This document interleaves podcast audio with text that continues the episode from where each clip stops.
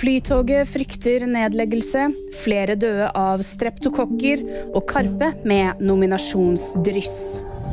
Flytoget går tapende ut i kampen mot Vy om å kjøre persontog på hele Østlandet. Flytoget skulle få overta seks sentrale linjer, men dette legges nå til side. Det gjør at Flytoget frykter nedleggelse om få år. Nikolai Bryde i Flytoget han sier at de er veldig overraska og skuffa. Jernbanedirektoratet sier på sin side at Vy rett og slett hadde det beste tilbudet.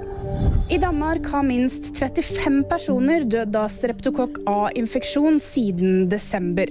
Det melder Statens seruminstitutt. Bakterien har spredd seg raskt i Danmark og flere europeiske land de siste månedene. Infeksjonen blir alvorlig når den fører til ny alvorlig sykdom, f.eks. blodforgiftning. Heldigvis så kan streptokokk A som regel lett behandles med antibiotika. Nominasjonene til Spellemannsprisen for musikkåret 2022 er klare. Og Karpe de fikk hele seks nominasjoner. Duoen er nominert i kategoriene pop, årets låt, årets låtskriver, årets tekstforfatter, årets musikkvideo og årets utgivelse. Karpe har tidligere vunnet Årets Spellemann, og i fjor så solgte de ut ti konserter i Oslo Spektrum. VG-nyhetene de fikk du av meg, Ida Aaberg Evensen.